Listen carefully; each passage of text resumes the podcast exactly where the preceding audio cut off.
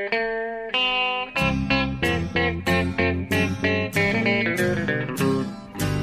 out there, we're on the air. It's hockey night tonight. Tension grows, the whistle blows, and the puck goes down the ice. The goalie jumps and the players bump, and the fans all go insane.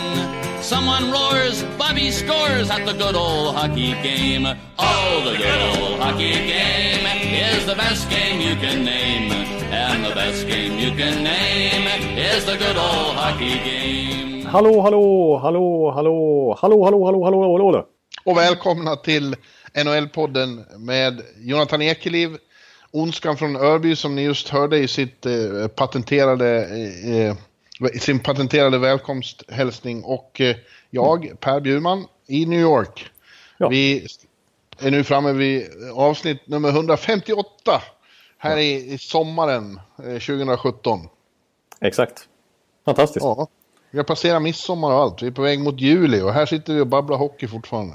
det är precis. Så vi har mycket att diskutera den här dagen också. Men eh, det här är, kan, kan det här nog vara det näst sista avsnittet för säsongen skulle jag tro i alla fall.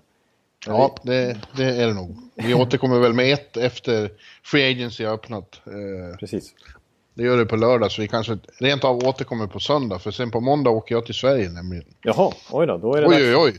Nu fick du veta det också. Ja, det hade jag inte koll på. Oj, det är ganska tidigt för dig. För du brukar komma lite senare i so- i sommar. I min känsla. Jag brukar komma, ja, jag brukar komma i augusti, eh, september nästan. Men, men eh, eh, nu, är, var, nu var det ju så att jag fyllde år här, i, här som bekant. Eh, Ja. jag, jag blev ju gubbe på riktigt. Jag blev 50 och eh, jag ska åka hem och, och, och fortsätta fira det lite där då. Det finns släktingar som, eh, familj som vill att jag eh, var delaktiga i det. Det Så jag får, jag får göra en tidigare vistelse i år. det har jag full förståelse för. Jag vet inte hur mycket du vill komma in på vad du har hållit, hållit på med i helgen här. Men det, det var ju ett 50-årsfirande i New York och det, det låter ju rätt så gött måste jag säga. Jag har inte full koll på vad, vad som har hänt där. Jag har tänkt att jag ska, du, du ska slippa mig här lite grann under, när det är en så stor vecka i ditt liv här. När du, när du har ändå fått prata med mig i en timme eh, 157 gånger tidigare. Så jag, jag har inte lagt mig i det riktigt. What, what happens at the 50-årsfest stays at the 50-årsfest? Nej, Ja. Nej den, den började i Vegas och den fortsatte med, så märkvärdigt var det inte. Vi hade en, en riktigt eh, enastående middag på ett steakhouse här och sen så var vi väl på lite barer och eh, ja, det slutade väl på Manitobas i vanlig ordning. Vi, vi stängde där klockan fyra på morgonen. Och Just det kanske varit lite efterfest också. Ja, Ja, ja. men, eh, men eh, ja, nu har jag återhämtat mig. Det är några dagar sedan. Ja, jag förstår. Nu har du, ja, jag förstår det. Men det, det, det, det låter fantastiskt trevligt. Jag har förstått eh, på det i alla fall att det, det, har, det har firats väl. Ja. Hittills. Och det fortsätter som sagt eh, lite i Sverige här kanske. Det är klart, det, det blir en, eh, en speciell sommar överhuvudtaget här kanske. För 50 Mm. år i Per Bjurman alltså. Det är stort alltså. Ja. Ja, nej, det var, det var trevligt. Det var några hockeyspelare som hörde av sig. Jag tänker inte berätta vilka, men de har hört av sig och varit vänliga och sagt grattis och så. Ja, du ser. Ja, ja, ja. På sin plats. Det vill jag påstå. det tycker du. Ja. Ja, Det tycker jag. hur har du själv haft det då sen senast? Ja, ja nej, men det har varit ganska... Det har varit bra. Hur Jag, gammal är du Jonathan? 27? jag ska fylla 27 i år. Ja. Ja. Inte lika stor Jag- fest. Nej, men jag är i princip dubbelt så gammal som du. Just det, det är faktiskt det är ju väldigt nära där. Ja, Mm. precis. Det är ju lite speciellt. Men, eh, nej, men 27, det var alltså, då eh, när fan var det då? ja, det var ju eh, 94 och sånt där. Ja, Tror jag ja, jag räknar ja. Då jobbade jag på Aftonbladet, det gjorde inte du. Ja, det gjorde jag inte faktiskt. Jag, jag, är för, jag är för ung för att ens komma ihåg 94-guldet till exempel i både hockey och fotboll. Ja. Ja. Så, att, eh, så, så illa är det faktiskt. Ja, det är svårt att greppa att man sitter och pratar med en sån. Som Lite inte är med. då. Nej, det är faktiskt sjukt. Men, eh, men, eh, ja, men vi, vi gör väl helt enkelt så att vi, vi kastar oss in i... I alltså, du, du frågar hur jag har haft det och jag har ju följt, jag har ju liksom följt eh, händelseutvecklingen se, sedan senast vi talades vid. För det har varit en kanske den mest händelserika veckan på det hela NHL-säsongen här om man räknar in. Liksom, Ja, det, det, det kanske man kan säga. ja. Eh, utan att det har spelats en sekund hockey. Nej, precis. Och det känns som att det kommer bli lite kämpigt för oss överhuvudtaget klämma in allting i en podd som håller sig inom rimlighetens ramar eh, tidsmässigt. Eh, Ja, men det behöver vi inte bry oss i nu. Jag har, ingen, jag har inget på schemat. Nej, vi, vi, vi, vi, vi, vi, kör, vi, kör, vi kör på helt enkelt. Vi, vi, vi, vi gör det. Men eh, ska vi göra helt enkelt så att vi, vi börjar där vi slutade senast? Det var ju i Vegas. Ja, precis. Eh, då, och då, då pratade vi om vad som skulle hända där. Nu har det hänt. Ja. Eh, och vi hade både awards och expansion draft. Och vi, och vi kan väl börja med awards eh, helt en, enklast. Eh, och det var ju inte riktigt som vi hade hoppats då. Vi hade två svenskar där i samma kategori. Viktor Hedman och Erik Karlsson, båda up for eh, Norris Trophy. Men det var då eh, Brent Burns som vann och ja, det, det är ju ingen jätteskandal. Alltså Brent Burns hade en enastående säsong och, och målproduktionen eh, kan man ju inte annat än häpna över. Det ska inte gå att göra så många mål för en back den här, i den här eran. Men lika fullt bittert tyckte jag. Jag, hade, jag trodde faktiskt att, eh, för det kändes som sista två månaderna av grundserien, då vände opinionen eh, kring Erik och alla insåg att hur fantastisk han är. Och, tänk- och tänk om slutspelet hade varit indraget i det här Ja, också. då hade det varit sån utklassning nästan faktiskt. Ja, då hade det varit en homerun för Erik. Men nu var det inte det, utan det är grundserien bara. Det röstas innan, det röstades innan han hade sina uppvisningar i slutspelet på en fot. Ja, just det. Men, eh, men lika fullt, jag, jag, jag stötte på åtta människor som var grymt förbannade faktiskt. Jaså, de var direkt upprörda? Ja, skällde om vilka är det som tittar på den här sporten? Vilka är det som skriver om den här sporten? Eh, för det var ju några... Att Brent Burns fick eh, röster var väl en som, men alltså det var, det var ju några som inte hade Erik bland de topp fem ens. Nej, exakt, Visade precis. På, på. Ja. Det är ju ett skämt. Det, det har ju uppstått en liten diskussion här om att eh, de här listorna borde offentliggöras så man vet vilka det är som faktiskt inte ens... Folk röstar. Men det är något som eh, organisationer som du är med i kanske inte vill att det ska bli så till exempel. För att eh, dels är det ju beatwriters som måste rösta på sina och lite sånt där. Kanske. Ja, ja det, på, det är en diskussion även eh, bland i, internt i organisationen. På, det är ett ständigt föremål för eh, det stormar på våra fackmöten. Är det så? De, de jag var, ja, om det där. Det är väldiga de- debatter om det. Många gör ju det själva, liksom. går ut med sina listor. Så här röstade jag. Ja. ja. Det brukar du också göra i bloggen tycker jag. I alla fall avslöja vem du har röstat på som nummer ett till exempel. Ja, precis. Ja, jag, jag tror inte jag hade några skämde ut med mig. Det, tror, jag- det törs jag säga. ja. Ja, nej, det, men precis. Det, det, det var i alla möjliga kategorier där så var det lite udda namn som dök upp. Inte minst i Selke så var det liksom både hit och dit. Pierre-Edouard Bellemare till exempel fick röster som den Ja, bästa defensiva forwarden i NHL. Exempel. Men, eh, Ja, nej, det var, det var det var inte jag. Nej. Men, eh, men han, eh, ja, Brent Burns passar i alla fall på, på scenen att hylla Erik Karlsson och Victor Hedman för den Men framförallt Erik Karlsson som ju satt där med sin eh, fot i gips typ, eller en sån här stöd. Ja, ja, han hade ju hoppat ut, när han inte åkte omkring med sin eh, permobil. Han hade ju en sån med ja, han är till och med en sån ja. ja. Ja.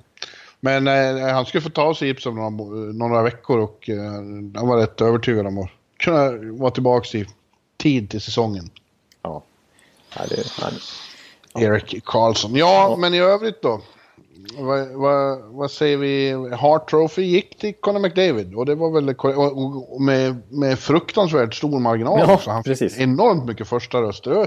Jag, tycker ju det var korrekt. Eh, Jag röstade så själv för att, för att det- handlar inte om vem som är bäst utan vem som är viktigast för sitt lag. Most valuable. Och eh, Ja. det går inte att säga något annat än att ja, han, han, han gjorde ju Edmonton till ett nytt lag. Precis, han har ju vänt upp och ner på en hel organisation som har fått första val efter första val men ändå inte lyft. Och visst, man, Ger- Peter Girello fick ju en nominering för General Manager of the Year för sina moves men de hade ju inte betytt tillnärmelsevis lika mycket utan en 97 på isen. Att, Nej, det är nog verkligen sant. så att han, han, är ju, han är ju Edmonton får man ju trots allt konstatera. Och visst, Crosby är ju väldigt eh, mycket där i MVP-diskussionen också. Men det är nästan så att Erik Karlsson ska knöla sig förbi han också. Det, med tanke, om man bara ska gå efter absolut most valuable player. Det är klart att Sidney Crosby är ändå nog världens bästa spelare fortfarande. Så det, han är ju MVP i vilket lag han än är i också. Så det, men, Ja, men det är, det är sant. Det såg vi om inte annat i slutspelet, eller i slutet av grundserien, att eh, Ottawa utan Erik Karlsson, ja, vi har sagt det här många gånger, men Ottawa utan Erik Karlsson är ett lag och, som inte går till slutspel.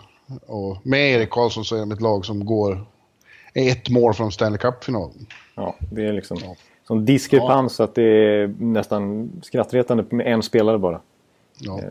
Men, eh, McDavid vann ju även till Ted Lindsay som är det som eh, spelarna själva röstar och det säger ju en del. Precis, och de brukar, då är det inte samma motivering att det ska vara most valuable utan det är liksom den bästa spelaren. Ja. Bästa motståndaren. Ja, och det är ju det som värderas högst av de som får det eftersom det är deras peers som röstar då. Ja, just det. Eh, och det betyder mer än vad vi journalister säger. Chockerande nog. Ja. Eh, och det förstår man ju. Eh, och, och det måste ju, det, det är ändå intressant. Liksom, att de tycker att han är så fantastiskt bra. Ja, för det, den, all, den allmänna bilden har ändå, ändå varit att McDavid får vänta något år till innan han petar ner Crosby. Speciellt med det år som Crosby haft när han har vunnit allt som går att vinna. Eh, Ja. Men spelarna fick han faktiskt priset redan nu alltså. Efter sin 100 poängsäsong. Och Crosby tyckte själv att det var helt rimligt. Eh, Det lät som att han själv hade röstat på McDavid. Ja, ja. Eh, ja. Ja, men... eh, Eh, och jag måste nämna en annan, en annan som fick... Alltså, och jag, det var inte oförtjänt på något sätt. Både du och jag hade han som nummer ett, tror jag. Men enormt överlägset eh, Calder Trophy till eh, Austin Matthews också. Ja. ja, det var inte oväntat. Nej. Precis, men ändå så har vi pratat om vilket otroligt rookieår det har varit. Och Patrik Laine är liksom uppe på nästan samma siffror i ett kanske lite sämre lag och så här, men... Men... eh, Ja. Ett normalt år så hade ju Line vunnit eh, lika överlägset. och Wierenski med. Ja. Och det, finns, det finns ju fler kandidater där ute. Man, man glömmer bort typ att eh, en sån som Sebastian Aho liksom. Ja, också en precis. fin säsong. Så är- och han är typ 7-8 i årets rookieklass. Så att, Ja.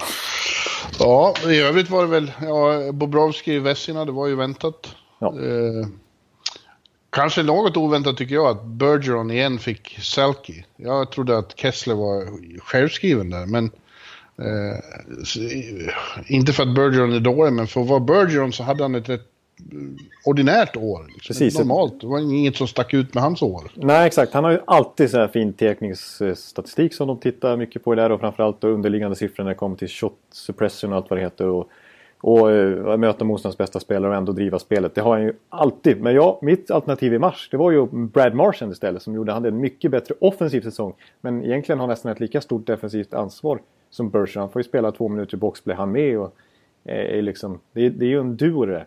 Man, jag tycker... Att jag tyckte nästan att man kunde ge det till en ytterforward för en gångs skull. Men återigen Bergeron, var det sjätte gången eller något sånt där? Ja. det? Ja. Ja, det känns lite på, lite på gamla meriter och lite rutinmässigt röstat. Ja, man orkar inte. Det är ju en så svår kategori, Selke, vad det är, hur att definiera det. Så det känns som att Ja. man pallar inte Ja, det riktigt sätta sig in i det. Så man bara, "Nej, vi tar Bergeron, för han vinner ju alltid ändå. Ja. Och Babcock fick återigen veta att han inte är bästa coach i ligan. Utan det är, är tydligen John Tortorella i år då. Det, det var kanske lite oväntat också. Eh, framförallt naturligtvis om man ser till eh, bilden av honom i höstas.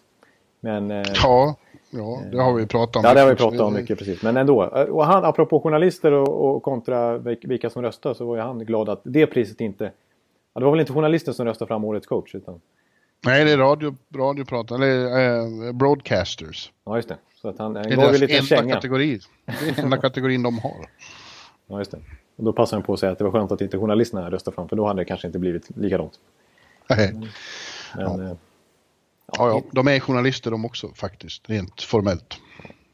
Ja, eh, ja, det är sant. Det är sant. Men, men eh, det är lite intressant där med, med just det här priset att... att jag menar, alltså, vi var inne på Mike Sullivan förra veckan och, och Babcock naturligtvis, han borde få det här priset någon gång. Men det är verkligen... Det, den som liksom överraskat mest får ju nästan alltid priset. Och sen är det nödvändigtvis inte att det håller i sig. Vi har ju Paul McLean och vi har Patrick. Roy och så vidare. Det, det, ja, Ja, det är sant. ett lite märkligt pris har det blivit. Eh, man, I och med att man bara värderar en säsong, vilket kanske är för sig definitionen. Men Med tanke på att folk skrev inför säsongen att det, kommer att gå åt helvete. ja, en, Så en får man person. säga att, att de ändå gjorde det väldigt, att han gjorde det väldigt bra. Ja. Ja, det får man säga. Det erkänner Ja, du men var nu. det- Ja, det var jag som skrev om Columbus. Med sammanfattning, det kommer att gå åt helvete. Ja, precis. Ja, En klassiker. Men den- hotar dock inte Mats Wenne- Wennerholms 2006, eh, Carolina. Eh, han skulle tippa tabellen. Satte Carolina sist. ja så vann de. Så vann de Stanley Cup. Ja. Du, du ligger Ja, i lä. Det kunde, det kunde ha gått lika illa här. Ja, faktiskt. Och de, ja, faktiskt. Men tr- slutade trots allt trea i grundserien tror jag. Att, Men eh, ja, ska vi hoppa på eh, det, det, nya laget då? Vänta, vi ska se. Var det något mer som hände där på Awards? Som, nej. General Manager of the Year vart Poile. Det förtjänar han väl? Ja, det, eh. det, det tyckte ja. nog både du och jag. Ja, ja tycker vi. Ja, eh, så var det samtidigt då parallellt denna fina kväll i, i T-Mobile Arena som vi nu har liksom fått vara inne i och så. Eh, och sett ordentligt. Eh, eh, var ju expansion draft också då. Uh, och den emotsedda, som det hade febrats och hypats så mycket kring. Ja. Jag vet inte om själva tillställningen blev riktigt så fantastisk som man hade hoppats. Det, det var Nej. extremt mycket som hade läckt ut på förhand. Och det var inte några jätteöverraskningar precis. Nej, precis. De gjorde ju lite den modellen som vi var inne på eh, inför också. Att de kanske nödvändigtvis inte skulle ta det absolut bästa laget de kunde få ihop på kort sikt. Utan de var ju kloka och, och, och tänkte framåt och samlade på sig mycket pix. Och har ja. ju sedan dess skickat vidare ett antal spelare också. Ja. Eh, så att det var kanske inte den här happeningen som vi förväntade oss på förhand. Det var väldigt få skrällar även i Awards kanske och hela galan i sig. Liksom. Det var väl, eh, alltså möjligen, på förhand hade man ju trott att, skulle, att de skulle plocka väldigt mycket målvakter och deala med dem, men det gjorde de inte. De plockade tre målvakter bara. Ja, precis. Det kändes ungefär som att, nu får vi se om Berubi stannade, men annars eh, känns det som att de tog de målvakterna de ska ha. Eh, ja. Och Fleury fick kliva ut på scenen till stort jubel också. Ja, han är redan the, the face of the franchise. Ja. Uh, Flower. Ja, det får uh, ja. Men uh, en intressantare fråga om vi vänder på det är, är ju vilka lag sved det här? För var det, vilka lag var det som fick lämna ifrån sig saker de egentligen inte ville lämna ifrån sig? Och, och vilka, kommer, vilka försvagades lite grann? Jag har några förslag. Ja. ja, låt höra. nu fick jag höll på att få en sån här hostattack igen, men jag höll inne. Eh, nej men eh, ja, alltså ett, ett är ju till exempel, ja, Nashville kanske är ju ett väldigt uppenbart. Eh, med James Neal ja. då. Ja, han var väl typ den, den bästa utespelaren i princip, eller åtminstone den mest namnkunnige som, ja. som gick här. Och eh, det är väl klart att Nashville egentligen hade velat behålla honom om det hade gått. Precis, och med tanke på att ändå ganska många klubbar lyckades eh, wheela och deala med, med George McPhee och hitta ganska bra lösningar vill jag påstå på vissa håll och kanter. Eh, mm. så jo, lyckas ju inte Nashville med någonting utan de släpper trots allt honom gratis. Visst, nu skulle hans kontrakt gått ut nästa sommar så att jag tror inte värdet var så högt som man kanske tror för en sån spelare som James Neal. Men eh, ändå tungt tapp naturligtvis. En, en, en, klar försvagning. Ja, det tycker jag också. Eh, sen vill jag ett, ett speciellt lag som jag tyckte verkligen eh, gjorde bort sig lite grann. Nu har det kommit fram lite att, att Florida Panthers sitter med lite, har ekonomiska problem. Men de, de släpper alltså både Jonathan Marchessault och Riley Smith. Eh, mm, och fick, yeah. ja, precis, Marchessault i expansionsdraften och så direkt efter annonserar de även Smith för bara ett fjärde val för att de har typ inte råd med hans lön. Jag menar, jag håller Smith ganska högt jag vet att Gerard Gallant, tränaren i Vegas, håller honom jättehögt. Han spelade ju honom 20 minuter per match ofta i Florida. Ja, just det, just det, just det. Det har jag glömt. Han, mm. han har ju haft de där killarna. Ja, just ja. det. Ja, så har Florida ekonomiska problem igen? Ja, de har ju varit uppe. Förra året var de faktiskt uppe och snudda vid lönetaket eh, när de tog in Jandel och Demers och gjorde sin lilla haul. Lite eh, liksom byte av spelare och sådär. Men nu har det visat sig. Vi, såg, vi var ju där i Florida till exempel och såg hur lite folk det var på plats. Var ja. Så att, eh, det, det, det, är inte mycket intäkter i det här laget. Eh, till den klubben. Nej. Och eh, det verkar som att de inte har råd helt enkelt att spendera till taket om de inte är säkra på en slutspelsplats. Eh, så eh, de fick helt enkelt släppa Smith. Av den anledningen, vad jag har förstått i alla fall. Ja. Ja, nej, men de, eh, de fick ju stryk i den här expansion draft, det kan man lugnt säga. Jag, jag, jag, vill nog faktiskt nämna Rangers också. Det, det, ja. eh, Oskar Lindberg är en spelare de helst hade behållit, så är det ju bara. Mm. De, de, fick släppa från sig en tillgång som, som inte, det var inget kul för dem. Nej, det var ganska liksom, ganska starka reaktioner ändå från Rangers håll.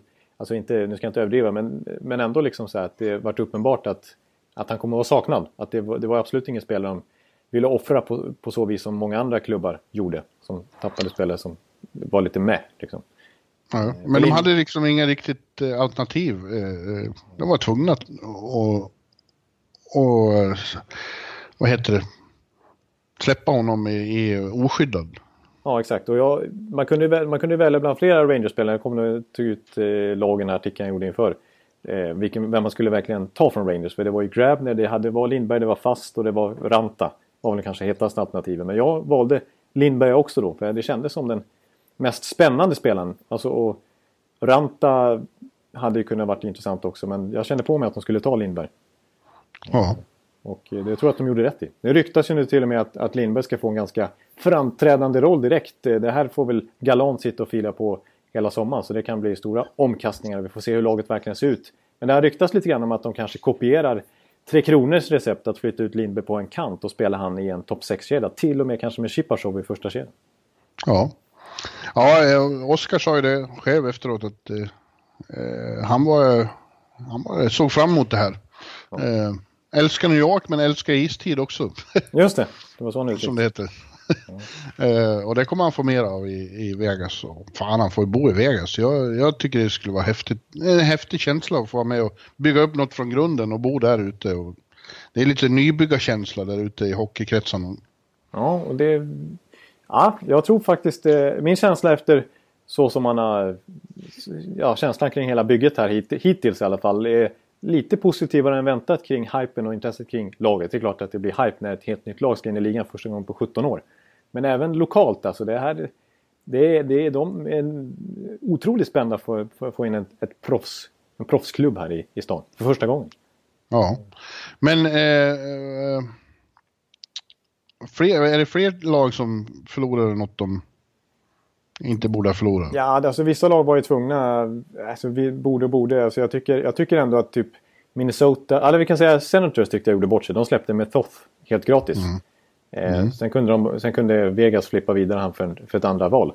Eh, mm. det, det, hade ju faktiskt Ottawa kunnat agera lite bättre på förhand, tycker man ju. Eh, och ah, sen tyckte jag, vill jag ändå påstå att Minnesota och Anaheim gjorde det hyfsat bra med tanke på att eh, Anaheim till exempel som var tvungna att både släppa Vatanen och Manson fria för Vegas. Eh, nu fick de ju släppa Shea Theodore men de blev av med Clayton Stoners kontrakt så jag tyckte nog att det var en win för Dax. Eh, och, och, även, även Minnesota som klarade sig från att släppa Stahl, Dumba, Scandella och Brodin som man skyddar dem. Men, och Haula gillar vi ju. Han är ju en intensiv spelare som har framtiden för sig också. Och så, mm. och så ett prospect till Alex Tuck som jag tycker är... det ska man inte underskatta. Det är en ganska spännande forward. Men eh, de, de behåller ju sin core intakt här. Eh, så att jag, jag tycker har, du, ja. har du problem med halsen nu? Ja, du kanske... hörs ju nästan alltså. Jag, men jag har du kanske ett, ska dricka lite vatten? Jag har ett vattenglas här intill. Så vi får ta en eh, kort paus i podden här.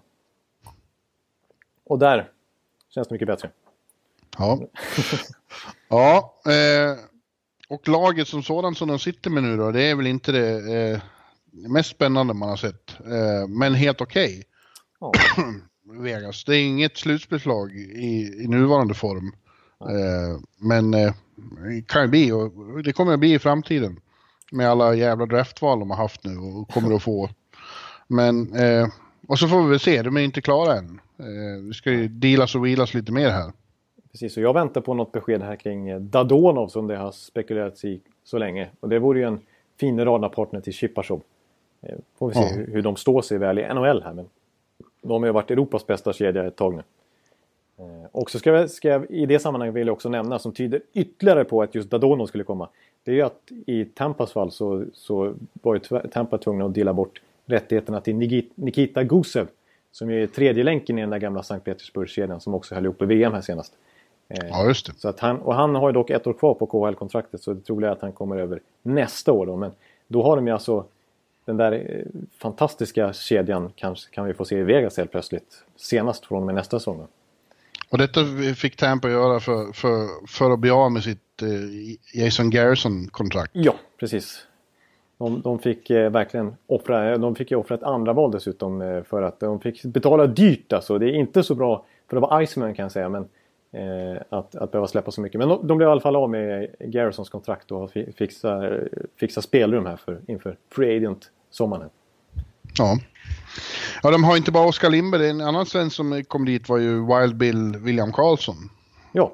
Eh, och det var väl också, det var väl inget Columbus egentligen ville släppa heller. Han har ju varit stor favorit hos uh, Tårtan. Ja.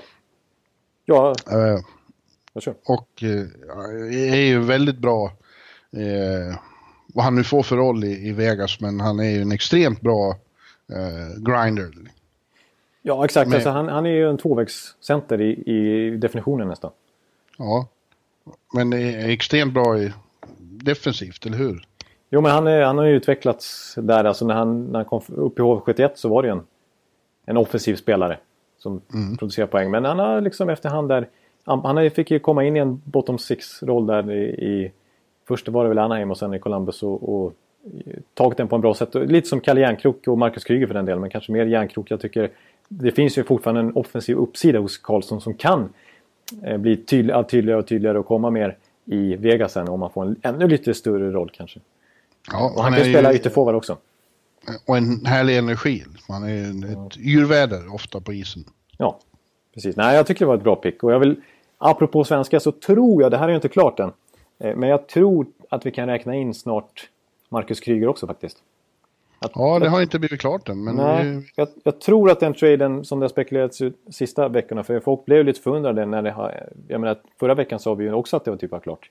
Och så har det inte hänt än. Men att det beror på att eh, han har en sign-on bonus som kickar in första juli på 2 miljoner dollar. Och den verkar inte Vegas vara så sugna på att betala. Den tycker man att Dallas ska ta. Eller Chicago då förstås. Ja, Dallas tycker jag ska ta. Ja, Dallas ska ta den. De får kliva in. Så de får göra en tre- trevägsdeal. Så får Ja. eh, Dallas faktiskt eh, betala för sig också. Nej, men... Eh, eh, ja, så jag, jag tror faktiskt Kryger kommer också. Kryckan i Ja. Vegas. Ja, Ja, triple Swedes. En svensk ledare. ja. ja det kommer att finnas anledning att åka dit. Ja, det kommer i allra högsta grad. Det var många orsaker. Ja, men vad, hur tror du första säsongen kommer att se ut då? Nja, nej, jag, jag tror att det blir tufft alltså. Jag tycker att eh, vi kommer komma in på det också senare i podden här. Alltså att lag i just Pacific eh, stärker upp sina... Eh, är lite på gång igen den där Pacific-divisionen. Jag tycker Arizona kommer komma in på sig spännande ut och vi har ju... Jag menar, eh, Ducks och Sharks är fortfarande bra och sen så är ju både Calgary och, och Edmonton på uppgång. Så att jag tror att det kan vara en ganska tuff division här från start. Jag tror att de kommer sist i den. Alltså. Jag tror... Men de kommer inte vara Ja. ett strykgäng som nästan alla andra expansionslag har varit tidigare. Utan eh, Nej. de kommer ju komma upp i en godkänd, mer än vad Colorado till exempel hade den gångna säsongen. Eh, Ja, möj, möjligen. Och så har de några... Jag, har studerat, Ja. jag har studerat eh, spelschemat. Det är väldigt många, framförallt östlagen, som bara kommer vara i Las Vegas i mindre än 24 timmar. Och det, det tar jag för, för deras del. För sk- lagen, skulle de hänga för länge i Vegas så skulle Golden Knights få ett väldigt bra home record. Ja, just det. Du tänker så ja. ja. Det känns som eh, medveten strategi av schemaläggarna här. Att Ja, inte... håll lagen borta från strippen. Precis. Ja, exakt. Något som eh, spelarfacket eh, skulle nog gärna proklamera för några extra dagar där. Men klubbarna har varit tydliga med här, bort, Ja. bort direkt sen. Ja, ja, spännande. Det kommer bli många sådana här rookie-middagar där tror jag, ändå. Ja, just det. Jo, så är det. ja, just det. Det finns ju alla förutsättningar att, att hitta något, något ställe att gå ut till sen också kan man säga. Och göra av med pengar. Ja, verkligen. Historiska rookie-middagar där. Ja. ja, det ska hur som helst ska bli jävligt spännande. Jag, jag, det, det är en gammal dröm. Är, som jag... Det var ju bara man höll på att skoja. Tänk ett, ett hockeylag här liksom. Wow. Ja. Om man skulle följa det. Och så, och så blir det sanning. Ja, nej, precis. När det, när det varit så mycket snack om andra, så Quebec och Seattle och Kansas City och andra, andra städer som har liksom velat ha lag länge nu. Eh, och så helt plötsligt så bara, från vänster lite grann, så blir den här Vegas-drömmen plötsligt verklighet. Ganska snabbt ändå. Ja, ja eh, från, från eh, snacket kom igång tills, tills nu vi har ett lag så har det gått rätt fort ändå. Framförallt för att vara NHL liksom. Det brukar Ja. dra ut på tiden och vara svårt att övertala Bettman liksom. Men nu bara smack. Ja. Ja. Ja, jag ser mycket, mycket, mycket, mycket, mycket fram emot eh, hemmapremiären de har mot Arizona i, i, en bit in i oktober. I'll be there. Du kommer vara på plats förstås. Ja, Ja. I den här nya fina arenan dessutom. Vad, tyck, Ja, vad men- tyckte du om tröjorna förresten då? Jag varit- tycker de är helt okej faktiskt. Ja. Ja, Det är, det är många som har, har kräkts galla över dem, men jag tycker att de har... Nej, jag tycker de ser helt okej ut. Ja. ja, jag tycker också de är, jag, jag ger dem 3 plus. Typ. Eh. Ja, ja, stark 3 skulle jag säga. Men vi får se. Ja. Det är svårt att säga innan man har sett dem i action. Liksom. Det är först då man får en riktig bild av vad man tycker om tröjor. Exakt, man vill se dem i en helhet. Ja, exakt, jag håller med om det. Eh, jag har övertagit alla tröjor. Det var inte så jättestora skillnader i tröjorna, men en, en hel del på vissa, vissa håll och kanter i alla fall. Ja, det är Adidas har ju klivit in och gör tröjorna från och med nu. Ja. Eh, så att, ja, jag tycker nog Vegas är helt okej. Okay. Alltså, den här gråa var jag inte riktigt helt såld på från start. Men nu tycker jag ändå att det ser ganska slick ut. Den ser ju modern ut den här tröjan. Alltså. Loggan jag gillar jag ju faktiskt. Jag tycker... Ja, färgkombinationen köper jag liksom. Det är många som har klagat på den här röda, att de ser ut som Tysklands landslag. Men mm. i, riktigt den associationen får inte jag i alla fall. Jag tycker... Och så lite detaljer i lite så här grejer i tröjan. Så här, ja, jag tyckte... 3 plus. Ja, 3 plus. Mm. Men du, bara, bara eh, eh, två dagar efter expansion draft så var det vanlig draft också i Chicago, i United Center. Den hoppade jag då över eftersom jag som sagt fyllde år. Och det var hade... just den dagen du fyllde år till och med. Ja, och då, min 50-årsdag vill jag inte spendera i United Center. Nej. Rusande efter kids som eh, precis blivit draftade. Men eh, så jag förde inte det så jättenoga heller. Jag, jag var upptagen helt enkelt. Men eh, det var väl inga jätteöverraskningar där heller, var det? Nja, nja, nja, nej. Det var ju inte den kanske... Den, nej, men det, nej, men det var väl inte den hetaste draften på förhand jämfört med vad vi har vant oss vid här med, med Line och Matthews och eh, McDavid och Eichel och så vidare. Eh, men det var väl några, jag vill ändå påstå att det var lite skrällar att, att svenskarna gick så tidigt. Det, det, det ryktades ju, eller det ryktas kan jag säga. Ja, det, var lite. Det, det både, vi har både femman och sjuan, två i topp tio är ju bra. Det är ju riktigt bra, precis. Eh, förra året var det väl bara Alex Nylander i första rundan tror jag. Eh, ja. Så det var en liten bounceback här av Sverige och faktiskt det, det, det, spekulerades ju att fyra stycken svenskar skulle gå i första rundan. Men alla fyra hann gå redan de 17 första valen. Ja. Det är ju starkt och jag menar Elias, Elias Pettersson femma till Vancouver. Mm. Uh, Elias Andersson uh, sjua till New York Rangers. Erik Brännström på 15 till Vegas då. Och uh, 17 till Timothy Liljegren till Toronto. Ja. Oh. Och ja, precis. Och, och Elias Pettersson, det, en annan Pettersson, Tobias Pettersson. Som är våran, våran ja, din trogne bloggföljare får man säga. Som lyssnar på podden då och då också. Eh, och som är, han är väl eh, kanske en av de största här liksom, proklamerarna för eh, fancy stats och så. Han, mm. han har ju, gjorde ju en egen draft ranking för jag vet ju att han sitter och tittar mycket på OHL och så vidare. Så han, han man ska inte helt underskatta hans eh, eh kunnighet där och har ju, kollar ju på siffror som en riktig Alltså, det är ju hans liv nästan. och han, han höll ju till och med Pettersson alltså, i klass med Patrick och Hischier. Alltså. Mm. Eh, ja, ja, han tyckte att han skulle vara etta ett tag. Ja, precis. Eh, och, eh, ja, och visst, man har ju sett på Timrå-klipp här nu från med Pettersson där han ju var otroligt eh, bra.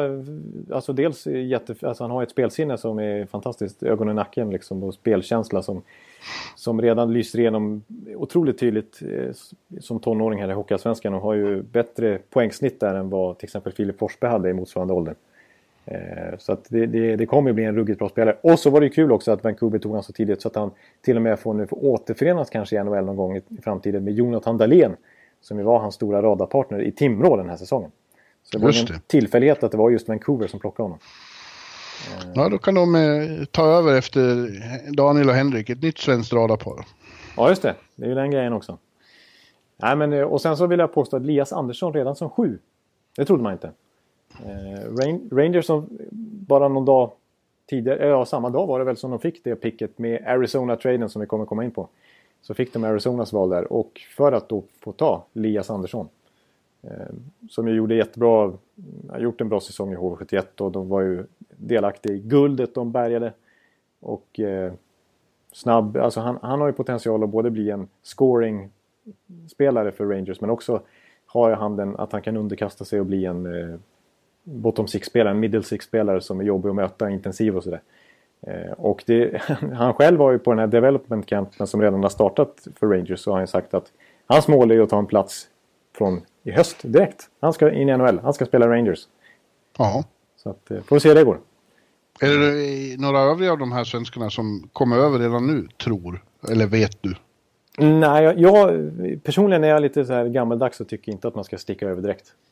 Nej, inte vad du tycker, men vad Nej. du tror. Nej, jag tror inte det ändå faktiskt. Eh, Det är nog egentligen bara Elias Andersson som har gett de signalerna väldigt tydligt. Det är väl i så fall om någon av de här överåriga spelarna skulle få för sig det. En sån som Sebastian Aho, inte den finske utan den svenske backen som spelar i Skellefteå. Blev ju draftad där efter 3-4 år utan att ha blivit draftad. Eh, Och är, är ju en klassback i SHL. Och det har ryktats lite grann om att han kanske sticker nu. Jag kommer faktiskt inte ihåg vilken klubb det var som tog han till slut. Hop- Hoppas Carolina, så vi har två Sebastian Aho. Ja, ja det vore ju, det vore ju stökigt. ja, det vore Riktigt minst stökigt. sagt stökigt. Ja, överhuvudtaget att få in en till Sebastian Aho i, i NHL. Det skulle ju röra Ja. till det alltså. ja, Det var som när Niklas Bäckström, eh, Ja. eh, caset där. Niklas Bäckström klagade på det i finsk media här, här i veckan tror jag när han fortfarande blir... För hans del är det inte så dumt visserligen att bli förväxlad med en eh, 29-årig superstjärna i NHL. Men, eh, men han klagar lite på det att han, eh, att han, folk fattar inte att han är en egen person. Liksom. Han, fick, eh, han var på någon Formel 1 nyligen och, och när han fick ut sin akkreditering så var det bild på Beckis. Så var det till och med. Ja. Ja, Så att, ja, exakt. Nej, så att, men nej, jag, jag gillar i alla fall Vegas pick. Jag gillar Torontos pick av Timothy Liljegren också. Alltså, hans säsong spolierades ju till stor del av den här körtelfebern han drabbades av. Vilket ju inte Ja, alls är kul att åka på. Eh, Nej. men, men Brännström är ju en... Eh, det vill jag säga var lite signifikativt med den här draften också. Att det för, en gång för alla här så har man ju släppt det här med att det ska vara storväxta spelare. Liksom. Det är ju, och det har ju varit ett känt faktum ett tag. Men nu i den här draften var det ju extra tydligt. Alltså vi såg en sån eh, liten spelskicklig ny Tory Krug-back. Kanske som Cale McCarr.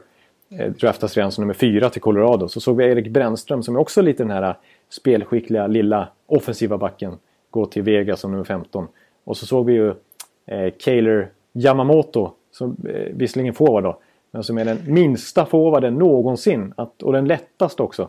Att ha draftats i första rundan i NHL-historien. ja. ja, men det är positivt tycker jag. Ja. Så nu skiter man i de, i de kolumnerna utan nu sitter, tittar man bara på skills. Liksom. Vad säger du i övrigt om att, om att Hischier, schweizaren, den första schweizaren som har valts eh, som nummer ett, eh, valdes till nummer ett. Det Det troddes ju in i det sista att det var Nolan Patrick som skulle gå som nummer ett. Ja, precis. Det, det var ju ingen skräll så, men en liten skräll ändå att Devils eh, var, valde honom trots allt med tanke som du säger. Jag tror att Flyers är jättenöjda. De missar slutspel med bara 7-8 poäng och så slutar det med att de får den som alla trodde skulle gå till nummer ett i draften. En skänk från ovan för Flyers. Ja, verkligen. Nolan Patrick alltså. Fantastiskt för dem. Eh, men ja, Ray Shero var ju väldigt tydlig och sa att han ska inte, han kommer inte lämna den här draften utan att ha Nico Hischier i sin ägo. Eh, och han var ju till och med inne på att trada ner lite grann för om Nico Hischier skulle ramla ner så hade han varit eh, intresserad av att... För det var, alla lag höll ju faktiskt inte honom som nummer ett. Men han, han har gjort en väldig resa. Eh, från typ 15-16 inför säsongen i rankingen till att nu gå som nummer ett. Den är schweizare som... Eh, Kommer han över eh, redan i höst? Ja, alltså han spelar ju i eh, Halifax. Ja, jo, men kommer han till Ja, det menar så. Det menar så. Ja, jo, nej, men det, det utgår jag från. Han kommer få alla chanser på campen och visa upp sig. Och det... Jag tror han kommer ta... Alltså jag menar, det är ju sällan... Vi såg ju en flopp, draft 1 eh, släppas av St. Louis häromdagen, Nal Jakubov. Men annars Ja. är det ju nästan regel snarare än undantag att eh, den som går som nummer etta och kanske till och med tvåa tar en plats i NHL redan från start. Och det är ju Devils fullständigt inne på här. Ja, det behöver ju... Inte för att vara elak, men konkurrensen är inte så våldsam där. Alltså, de, de behöver ju nytt blod i, ute i Newark. Exakt, så han har till och med chansen att gå in som första andra center där direkt. Alltså. Ja, ja det vore kul om det... Alltså, det är ju sorgligt hur det har varit där ute. De har inte varit tillbaka i slutspel sedan de förlorade finalen. Precis, och det är länge sedan, det är fem år sedan. Ja, Eh, så att, och jag var inne på för någon månad sedan eh, att jag trodde Devil skulle vara en av de stora aktörerna här i sommar. Än så länge har de inte gjort så mycket mer än att, än att eh, drafta Hischier. Och att i samband med Vegas expansioner där trada till sig Mirko Müller från San Jose. Och han är ju schweizare, så det var ju redan en liten hint om där vem de skulle välja i draften. ja just det. Men eh, ja. Ja, så får vi se vad som händer med Kovalchuk. Han, de har ju rättigheterna till honom fortfarande. Precis, då, exakt. Och vad jag har förstått det så får inte han signa ett om, om de ska göra en sign trade. Jag tror det är någonting med första juli där att det kommer förmodligen inte ske förrän första juli. För det har lite grann med den här free agent grejs. Ja, jag utvecklar inte mer än så men jag tror att vi får se en Kowalczyk. Eh, något kommer hända där från och med första juli ungefär. Det är därför det inte har varit så mycket spekulationer än. Nej.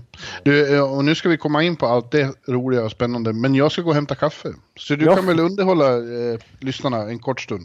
Så kommer jag snart ja. tillbaka. Mm. Ja, men precis. Det blir, ja, så, så gör vi. Ja. Hej! Hej! Ja. Eh, ja, vad ska, vi, vad ska vi ta då?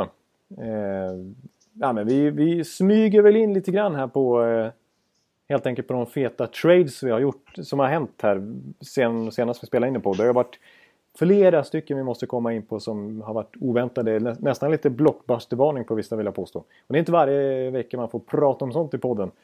Eh, kanske ska börja med... Eh, ja. Tillbaka? Ja, nu har vi med oss. Jag har bara konstaterat att det är dags för tradesnacket. Eh, det ja. är mängder av bra vi ska, vi ska gå in på. Jag vet inte riktigt vilken vi ska börja med. Jag är nästan inne på att antingen så, så sparar vi det bästa till sist eller så går vi rakt på, rakt på sak. Och tar... Det är klart vi går rakt på sak. Ja, vi tar rakt och då hamnar vi vid Lake Michigan sjöns strand tror jag och pratar Chicago, eller hur? Det känns ju som att det är det mest, eh, den största rokaden och det lag som vi får, får börja vid. Ja. För det, ja. Ja, det har ju hänt mycket underligt där alltså. Till att börja med var det den här Hossa-historien då. Att eh, Marian Hossa är sjuk. Han har en allergi som, eh, som eh, gör att det är plågsamt att sätta på sig utrustningen. Och får lov att ta mediciner och Ja, det är mycket som är, många är misstänksamma kring det där, att det är lite lägligt för alla inblandade. Han, hans framtunga kontrakt är nu framme vid att han ska få en miljon per år. Ja. Eh, och eh, Chicago har samtidigt svåra eh, cap-problem och då kommer det här beslutet att han inte spelar nästa säsong. Han är förmodligen färdig då med karriären. Ja, eh, ja det, vad ska man säga? Det, det, ser ju det ser dubiöst ut, minst sagt. Ja, alltså Men, man, det, det känns... Alltså Chicago har varit tydliga med och, läka, läkarna så att det här ska man, inget man ska göra narr av utan det här är fullt seriöst. Och det, det därför känns det lite svårt att diskutera kring. Men det är oundvikligt att komma in på när man... Eh, liksom redan 2009 så sa man är det något år han kommer sluta så är det 2017. För det är då... Eh, det, är så det här kontraktet var uppbyggt och då är då han fått 94 procent av eller om det är mer till och med av lönen. Och nu är det bara några sk skrotår kvar här som egentligen förde ner capiten från första början. Så att... Ja, men en miljon dollar det är ju bara skräp. Ja, precis. Det är bara skräp liksom. Det är ju ingenting. Så vad, nej, men, nej men eh, ändå. Kan inte jag få det istället då? då? Ja, jag skulle kunna ta lite grann också där, faktiskt. Men, ehm, ja. men så det, det, är svårt att diskutera. Men i alla fall, det är ju ett faktum nu och det, det är ja. ju men ju... i och med det då så trodde man ju att ja, nu har det lättat lite så de kanske inte behöver göra sig av med... Ja, att det pratades om att de var tvungna att trada Niklas Hjalmarsson berodde ju just på att eh, de satt så taskigt till. Nu satt de inte så taskigt till längre. Och sen blev han tradad i alla fall. Ja. Yellowbear blev tradad till eh, Arizona. Och det var lite... Eh, jag var lite chockad nästan där faktiskt. Ja, precis. Det kändes just av den anledningen som du sa att de satt inte riktigt... De satt fortfarande lite skiten men inte alls på samma sätt om nu Hossa-grejen skulle lösa sig att de blir av med hans... Eh, mot taket, hans lön. Men... Mm. Eh, eh, men och, och, det som blev ännu lite mer överraskande i just den traden var ju att man, in, att man tog massa lön tillbaks. För att Conor Murphys kontrakt är ju nästan detsamma som eh, Hjalmarssons när det kommer till Capit. Han har lite längre tid på det och är ju yngre eh, så det kändes inte som en ren cap trade utan det var en, en spel... Alltså, de, de bytte spelare helt enkelt. Eh, ja, det är mycket konstigt alltså, för det, det är svårt. Det är fortfarande svårt att hitta någon eh, som är bättre i den rollen än vad Hjalmarsson är. Ja, han var ju otroligt uppskattad i laget och av Quenville. Ja, det finns ju ingen som har eh, liknande karaktär. Nej. Han är en enorm karaktärsspelare och det, det sägs ju att eh, Quenville när den här traden eh, inträffade så han lämnade ju United Center under draften och försvann. Ja, alltså de har ju försökt tona ner det här men det är ju lite suspekt trots allt att han inte ens var med på draften sen. sen han kom ju... tillbaks dagen efter men han lär ha varit upprörd över både den och den andra traden som vi snart kommer in på här. Ja, jo precis. En är som... Ja. Nej men... Men för, ja, alltså jag har försökt se lite... Eh, hitta någon slags logik i det här varför de trots allt gjorde detta. Jag, jag är inte helt säker men... Ja, alltså om vi, om vi stannar, om jag lämnar Hjalmarsson lite grann. Vi kommer in på hur hans situation i Arizona blir nu. Men i Chicago, om vi tänker på Chicago tänk där så... så eh, alltså Conor Murphy har ju ett, verkar ha ett väldigt högt anseende i USA Hockey i alla fall. Han var ju kapten i VM-laget nyligen. Han har gått igenom USDP som är deras utvecklingsprogram och hans farsa är ju ASS-tränare i Philadelphia och en riktig hockeyfamilj och han är storväxt precis som Hjalmarsson. Och har också lite hyfsat på att hantera puck. Men det är ju en Hjalmarsson fast lite sämre version. Eh, ja. Så det var bara någon slags föryngringstrade som jag ser det på. Plus att Hjalmarssons kontrakt skulle gå ut om två år och då kanske de skulle fått svårt att förlänga det. Det tror jag för sig inte men, men Conor Murphy någon, någon, slags rebuild on the fly-tänk alltså. Jag vet inte vad. Men, och, och det... Nej, du försöker. Jag, jag du försöker, men jag kommer inte riktigt rationalisera. dit. Nej, ja. det går inte att komma fram till vad, vad, poängen med det här var. Riktigt. Nej, för den enda jag... Alltså, när vi kommer in på Pananen sen också. Det jag tycker är lite konstigt är att man tradat bort två spelare som fortfarande inte på något sätt är på väg ut för. Jag menar Hjalmarsson gör en jättefin säsong i år igen. Eh, mm. sitter på ett bra kontrakt. Eh, det gjorde Panarin också vill jag påstå. Eh, och så när det finns andra pusselbitar i laget som är värre. Jag tänker på Brent Seabrook till exempel. Eh, ja, du, visst, du, brukar komma till honom. Ja, alltså visst, nu kanske man inte hade fått lika bra utbyte för dem. Men jag tycker inte att... Eh, jag förstår ändå inte riktigt när det inte genererade någon cap relief det här liksom. Utan det var rena eh, generationsväxling på något vis. I alla fall i Hjalmarsson-fallet kanske. Så, så har jag lite svårt att motivera tanken kring det här. Eh, jag tror att den här Lauren Dauphin som blivit helt bortglömd i sammanhanget. Den andra pusselbiten de fick från Arizona ska vi inte övervärdera heller på något sätt. Men jag tycker det, det, han är inte försumbar i traden heller. Det är en ganska bra prospect som gjorde en fin AHL-säsong här och som jag tror definitivt kan bli en middle six-spelare i, i eh, Chicago som kan gå upp och assistera i en andra kedja ibland och som definitivt kommer etablera sig i NHL. Eh, och de har haft lite problem med bredden här senaste åren så att han, han är en sån där ett, ett, ett halvfynd som Bowman kan hitta. Men kostnaden för att få dit honom var Want flexibility? Take yoga. Want flexibility with your health insurance? Check out United Healthcare Insurance Plans. Underwritten by Golden Rule Insurance Company, they offer flexible, budget friendly medical, dental, and vision coverage that may be right for you. More at uh1.com. Dyr. Mm. Ja, du nämnde Panarin där, för den trainen fick vi också se då. Att de eh, skickar hockeyartisten Panarin, Artemi Panarin, ja. Till Columbus mot sin gamla kompis Brandon Saad. Han blev ja. inte långvarig där. Nej, de, precis. De plockar hem honom igen. Det, det, verkar ju vara något tema det där i, i, Chicago, att de gärna plockar hem gamla favoriter. Brian Campbell, Johnny Oduya. Eh, och, nu, eh, och nu då Brandon Saad igen. Precis, exakt. Och det ryktas om att de är lite intresserade av Patrick Sharp igen till exempel. ja. ja. Vad, vad, är det för... Jag, jag, alltså, låt mig säga nu, jag tror att Chicago är fucked. Du, jag kommer, det, var, det var statement. Ja, ja alltså fucked så tillvida att de kommer inte att vinna några fler Stanley Cup med det här, sin, sin omhuldade core. Nej. Eh, nej, kommer ja, de inte. Nej, alltså jag tycker att det känns som att det här är lite av en överreaktion på deras eh, förnedrande förlust mot Nashville. När de sa ja, direkt att nu ska det ske grejer i truppen och bara en dag kort senare i alla fall så blev ju Mike Kitchen sparkad. Den, Quenvilles eh, högra hand där, backtränaren. Och, och det skulle mer till. Eh, ja, det verkar som att ledningen tar för givet att det här laget ska vinna eller vara contender forever. Det, det kommer de inte vara varje säsong. Visst, det var väl inget kul att bli svept av Nashville, men det, det, det hade de inte behövt bli nästa år. Liksom. Nej, nej. Eh, och det har sagts att de tyckte att de blev pushed around av Nashville och att de behöver tuffa till sig. Men jag, ser inte hur det här tuffar till dem på något nej, sätt. Struntar i Hjalmarsson som är en av deras mest... Ja, han är ju liksom- mest fysiskt hotfulla där ute. Som de har i princip, ja. Ja, ja, ja, ja alltså, och Brandon sa, då, då, då sägs det då att han är ju otroligt uppskattad i omklädningsrummet. Jonathan Tays älskade att spela med honom. De hade en bra kemi ihop. Eh, och att han ville ha tillbaka sin gamla radarpartner.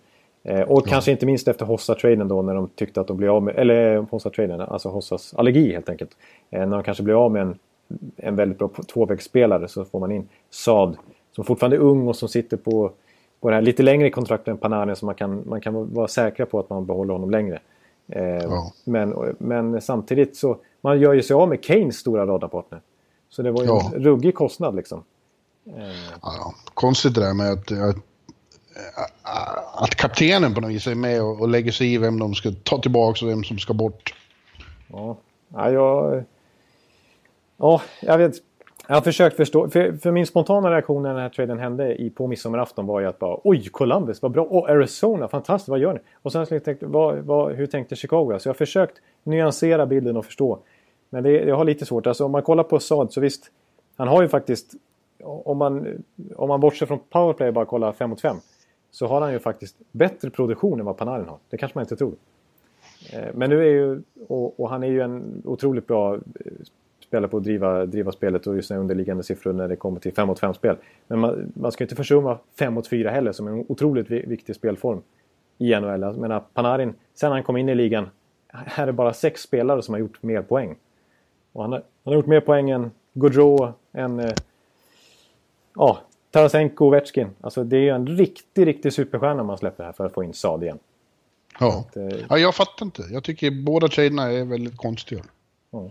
ja det, det enda jag kan hitta, som, det, det är som du var inne på där, att det är en, någon slags ruska om laget här och det, no, ja, det ska hända någonting. Och man går tillbaks lite till det som man tror gjorde dem framgångsrika tidigare. Mm. Typ.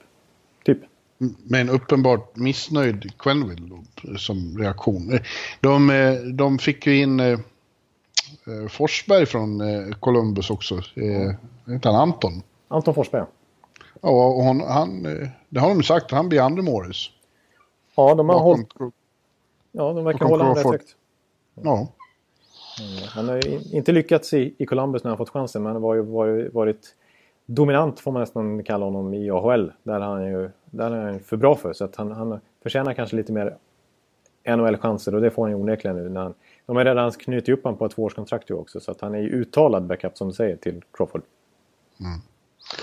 Ja, men du Arizona då, eh, där Hjalmarsson nu hamnar och, och, och, förmodligen kommer att bli backpartner. Vi får ett eh, helsmåländskt backpar här då med honom och eh, Oliver. Goda vänner från, från från Småland. Ja, de är smålänningar båda två. Ja. Vad var det där? ah, ja, det där får jag nästan klippa bort liksom. Ja. Försök ja, inte. talanglöst. Ja. Ja. Du lät ja, som Söderkiss. Liksom. Ja, det är bedrövligt. Jag, jag... Ja, vi... vi men... Nu går vi vidare med nästa. Ja. ja, men eh, Arizona. Det är lite intressant för Hjalmarsson hade ju tio lag han fick eh, han hade ju sån deal. Så att, ja. Eh, för att kunna bli tradad så, ja, han fick välja tio lag själv. Och då var Arizona uppenbarligen ett av dem då. Ja. Och ja, visst, det, det, finns ingenstans där man måste ha det så bra som att bo i Scottsdale som de gör, hockeyspelarna. Nej, det eh, kan Oliver Ekman Larsson skriva under på till exempel. Sommar året runt och golf och, och, och otroligt eh, affluent och luxuöst. familjen kommer ju att trivas enastående bra där och det tror jag betyder väldigt mycket för Family Man Hjalmarsson. Ja. ja, jag tror det måste vara det som är huvudorsaken till att han hade dem på sin lista över de få lag ja. han kunde tänka sig att gå till. Ja, Oliver och eh, att... Eh, ja, samtidigt som... Eh, tyvärr är det ju återigen prat om att de har problem med, med stålars där. Då. Ja. Eh, det är ju ett återkommande tema. Men det ser ändå ut som de satsar lite nu. Ja, det var uppfriskande att se och inte minst i, så kort inpå att det var direkta svarta rubriker om Arizona. Just av de här ekonomiska problemen som du sa. Eh, vilket fick till följd att man förra veckan var vi inne på att, att de släppte Mike Smith. Eh, mm. Kort senare så släpper de även Shane Doan, den absolut största legendaren i klubbens historia. Han har ju varit där sedan starten. Ja. Eh, och han var ju intresserad av att förlänga dessutom. Så man, ja. man väljer att klippa bandet där. Och som en följd valde även eh, Mutual sägs det då, men Dave Tippett verkar inte vara så taggad längre så han stack ju också. Han var osams med ägaren tydligen, inte med general manager. Vad heter han? Shay Shaka. Shaker, han vill ha kvar tippet säger han ju. Men- För de hade ju samarbetat i väg. Men ägaren och tippet hade väldigt olika filosofier tydligen då. Vad nu det innebär. Ja. Ja, det är lite märkligt med tanke på att han skrev på ett 4-5 års kontrakt till förlängning redan så sent som förra sommaren. Liksom. Ja, Så tog det bara ett år så sket han ner. Ja. sket han ner sig? Vet, Han, han, sket, han sket i Nej, jag tror inte han sket ner sig. Men han, han, Sa du inte så? Ja, det är möjligt. Men jag, jag, jag säger konstiga saker. Men jag menar, han, han sket i det då, kan jag säga. Så. Förlåt mig. Ja, ja. Men, eh, nej, men, det, det var, men av det, just den anledningen så var det väldigt uppfriskande att se John Shaker, denna 28-årige general manager, eh, göra lite blockbusters här. Och verkligen ta chansen nu med det här Arizona-laget som, jag, som visst har varit dåligt i många år nu. Eh, och som varit lite, och alla de här ekonomiska problemen. Och flyttryktena som det till och med varit. Och Ja. arenafrågan och allt, allt möjligt. Eh, att, att, för det här är ett Arizona-lag som med de här förstärkningarna, med Hjalmarsson och El, det här World Cup-backparet ihop nu. Eh, och med Derek Stepan som första center. Så tror jag att de kan börja blomma nu. De här fantastiska talangerna de sitter på. Och Antiranta. Och Antiranta i kassen de får ju ett eh, bättre alternativ vill jag påstå än Mike Smith. Nu är inte Antiranta ett säkert kort på det viset. Han har ju aldrig varit första keeper i NHL. Eh, Men visade ju goda tendenser. Likt Cam Talbot till exempel bakom Henke Lundqvist. Ja. Och de har ju mycket ung talang som kändes som de hade ett, en sophomore slump för att återkomma till vårt favorit, ett av våra favorituttryck. och ännu mer som kommer bakifrån. Så att, ja, pl- plötsligt känns det ju mer, i alla fall sportsligt, lite mer intressant med Arizona än vad det har gjort på flera år. Eller på, Ja, ja. kanske. Ja. Inte någonsin. De gick ju till konferensfinal men en gång. 2012 var det väl också. Men, men på- alltså det är, det är, det. För att om man är Arizona-supporter måste man vara väldigt taggad nu helt plötsligt. Ja, men om, om sådana som Domi och, och Duclair liksom eh, kommer tillbaks från halvdagen Ja. andra år. Så nu gjorde jag, hörde du jag gjorde en, en bäckis? Ja, precis. Du ta, Halvdan. tappa, eh, ordet. Ja, men jag gjorde eh, halvdagen. Och så la jag till. Ja, just det. Just det. Ja, ja, det blev en bäckis. Ja, det, det hedrar dig. Ja. Ja, men, eh, ja, alltså, och, och så vill jag verkligen lyfta fram just de här andra prospekten som man väntar på också. Alltså Dylan Strome som var ett tidigt draftval för några år sedan som man bara väntat på ska bli en sån här supercenter. Men nu släpper ju pressen lite på honom nu när de har Derek Stepan. Nu måste inte han gå in och vara första center i år. Eh, och en sån som Christian Dvorak som, som ju var den tredje länken i en otrolig juniorkedja för några år sedan i London Knights. Det var Mitch Marner, eh, Matthew Kachuk och, Chris, eh, och eh, Christian Dvorak. Och jag tyckte han visade väldigt fina tendenser i slutet av säsongen. Så jag tror att det kommer vara en fullgod top 6-spelare för Arizona i år också. Och mer än så, alltså en sån som Clayton Keller som fick chansen att spela VM här i senior-VM trots att han bara draftades förra året. Det är väl 18-19 år. 19 kanske. Eh, var ju, alltså såg ju fruktansvärt bra ut vill jag säga i VM för USA. Han gjorde ju fem mål på åtta matcher tror jag. Var en av deras bästa spelare. Nästan i klass med Gaudreau. Kanske, inte- nu kanske jag överdriver lite grann. Men jag tror i alla fall att Clayton Keller kan bli alltså han som vi pratar om som Calder Trophy-vinnare nästa sommar-VM den här perioden. Oj, oj. Så, så, så bra vill jag påstå att han är. Så att eh, jag, jag tycker att eh, Arizona och så, och så alla lagdelar känns ganska hyfsade nu. Vi pratar om Ranta, vi har Hjalmarsson och Ek, Ekman Larsson där och Goligoski eh, och några till. Och så forwardsidan med alla dessa spännande talanger. Christian Fischer vill jag slänga fram där också. Det är, det är ett spännande lag, Arizona. Ja, de känns ju mer spännande än eh, divisionskonkurrenten LA Kings till exempel. Ja. Det känns som det kan vara ett litet paradigmskifte där och att Arizona kommer vara mer att jaga slutspel än de kanske. Precis. Ja, de, de, Men de är- har, de har inte fått någon ny coach än va? Nej, precis. Där har det fortfarande inte ryktats speciellt mycket heller. Det enda namnet jag har hört själv det är ju en, eh, vad heter han, Todd Nelson som ju har varit i Edmonton Oilers en sväng och som senast eh, vann Calder Cup här med, med eh, Grand Rapids. Äh, Kan det inte bli något roligare? Det är alltid Calder Cup-vinnande tränaren som får ett NHL-jobb året efter. Ja, det blir nästan aldrig bra. Nej, det brukar inte bli så bra. Jag kommer ihåg när du hypade Dallas Eakins, så det hette, Ja. som, som, man trodde att det var Jesus själv som skulle ta över. Hypade upp Colorado-tränaren här lite förra året också. Slutade med den sämsta säsongen i NHL-historien typ. Och eh, Jeff Ja. Blashill har inte varit någon succé i eh, Detroit heller. Vill jag påstå. Nej, ring Borken. Ja, det enda undantaget är naturligtvis John Cooper i Tampa Bay. Ja, men jag säger Bork. Ja, du säger Bork. Ja, ja Leffe Bork. Han känns ju kompatibel med 28-åriga John Shaker där i deras eh, sätt att se på hockey. Ja. ja, men vem är Sveriges bästa tränare? Han kan ringa Grönborg. Grönborg vill bli NHL-tränare. Ja. ja. Sam Hallam från Växjö. Nej, vi får, vi får se. Vi får se hur du. Ja. Men det är intressant. Men eh, i och med att du nämnde både Stepan och, och, och, Ranta här och så är det lätt att komma in på Rangers också för där har det också gjorts stora saker får man ju mm. säga. Mm. De köpte ut eh, Dan Girardi till slut. Ja. Och det var väl eh, givet att det skulle bli så. Och så har de alltså då tradeat Stepan och eh, Anti, Anti Ranta till Arizona utan att få så jättemycket eh, tillbaks tycker jag. De får ju han problembarnet. Eh, ja. Anthony, Anthony D'Angelo.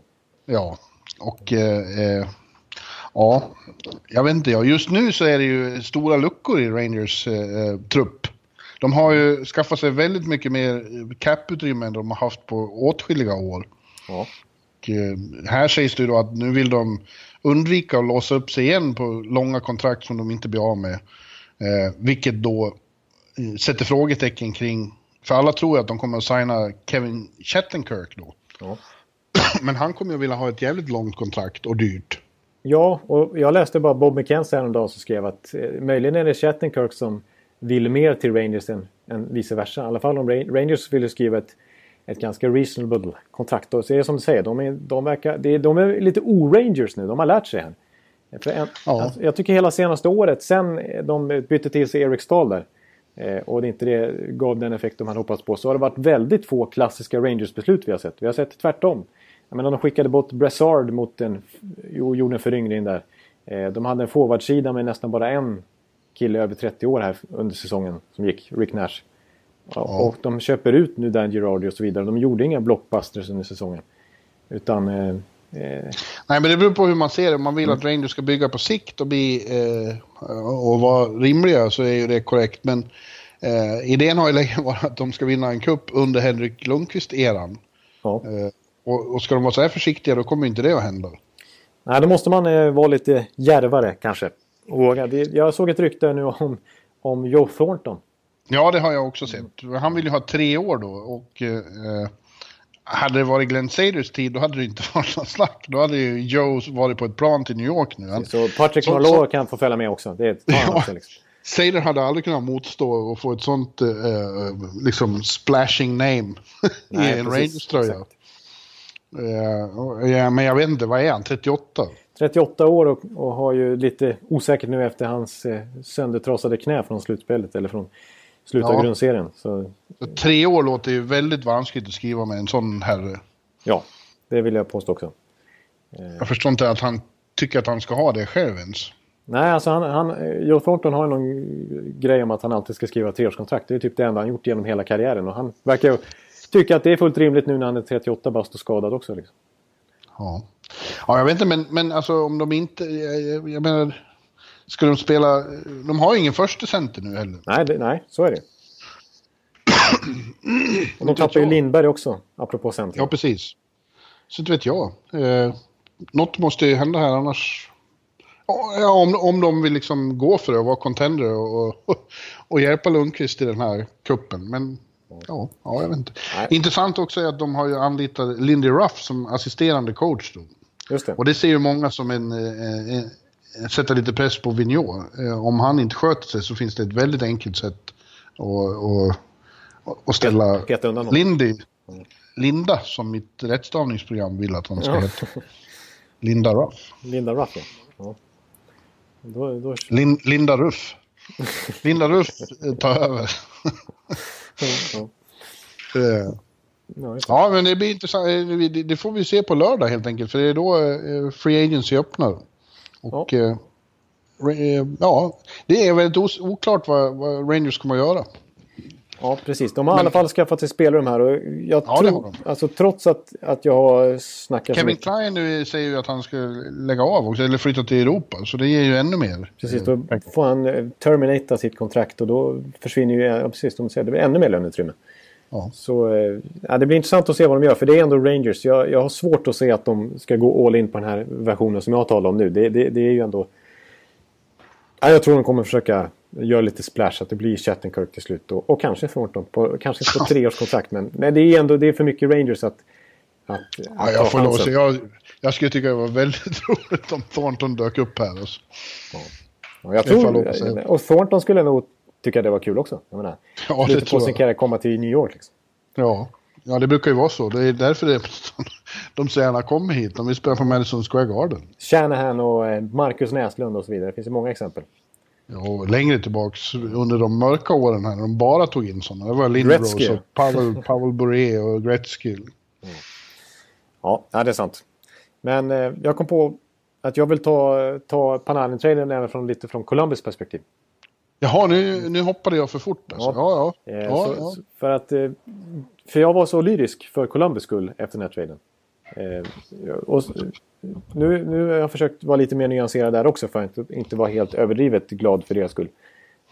För att visst, det är ju en jätte, jätterolig spelare de får in. Alltså en av NHLs bästa offensiva spelare. Ja. Eh, och det, ja, man ser ju redan framför sig han, Atkinson och Wennberg i första kedjan typ. Kan ju vara jättekul. Ja. Eh, men samtidigt så, om jag ska försöka hitta någonting negativt för Columbus del så dels så är det väl det att han trots allt bara har två år kvar på kontraktet efter det här. Då, då kanske de riskerar att bli av med honom snabbt jämfört med Saad som hade ju ett, ett långt kontrakt, 4-5 år kvar. Eh, och dessutom så är ju Panarin kass på engelska. Och han, han, han, flyttade ju till, han valde ju Chicago eh, från start när han kom hem från KHL. Han hade ju massor med anbud, mycket bättre ekonomiska avtal från till exempel Toronto. Men han eh, tog ju Chicago för att Ja, dels så trodde han, tyckte han att det kändes spännande sportsligt. Men han hade ju en, en rysk familj som skulle ta emot honom där. Och, eh, han hade ju lite ryssar i laget, Anisimo till exempel, som kom samtidigt. Och även den här, han som blev en flopp. Hans eh, gamla kompis från Sankt Petersburg, vad heter han? Jag tappar namnet. Eh, ja. och, eh, så det var liksom, det var väldigt tydligt, väldigt så här, han hade så mycket alternativ. Men han valde just Chicago. Och i vintras så valde han att förlänga med Chicago. Eh, ju. Mm. Och, och han, han, trivdes ju så bra där. Han, han och Kane utvecklade något eget språk där med gester och grejer och de kom så bra överens. Eh, så att jag tror Panarin, alltså Panarin tror jag är lite missnöjd här. Alltså efter att så uttalat velat spela just Chicago hamnar helt plötsligt i Columbus där, där bara Bobrovski finns. Och vi vet ju hur målvakter är suspekta så det är den enda han kan prata med på ryska. Ja men, men han kanske får eh, Kowalczyk som kompis också. För mot alla odds så är ju mm. tydligen Columbus väldigt heta på Covey också. Ja, ja, eh, ja. Vilket låter som helt otänkbart för några år sedan. Tortorella och Kowalczyk. Ja, precis. Alltså överhuvudtaget så kändes det ju inte som Tortorella att trada bort en sån coachfavorit som Brandon Saad mot en ryss som Panarin. Men det, han, har ju, han har ju helt bytt stil här, den är Jack Adams-vinnare. Eh, och som du säger, det är ju, det är ju Columbus verkar vara en, en av ledarna i allra högsta grad när det kommer till The Kowalczyk Sweepstakes. Ja. Så att, eh, eh, och då får ju Panarin en landsman att snacka med. Så eh, det är inte omöjligt.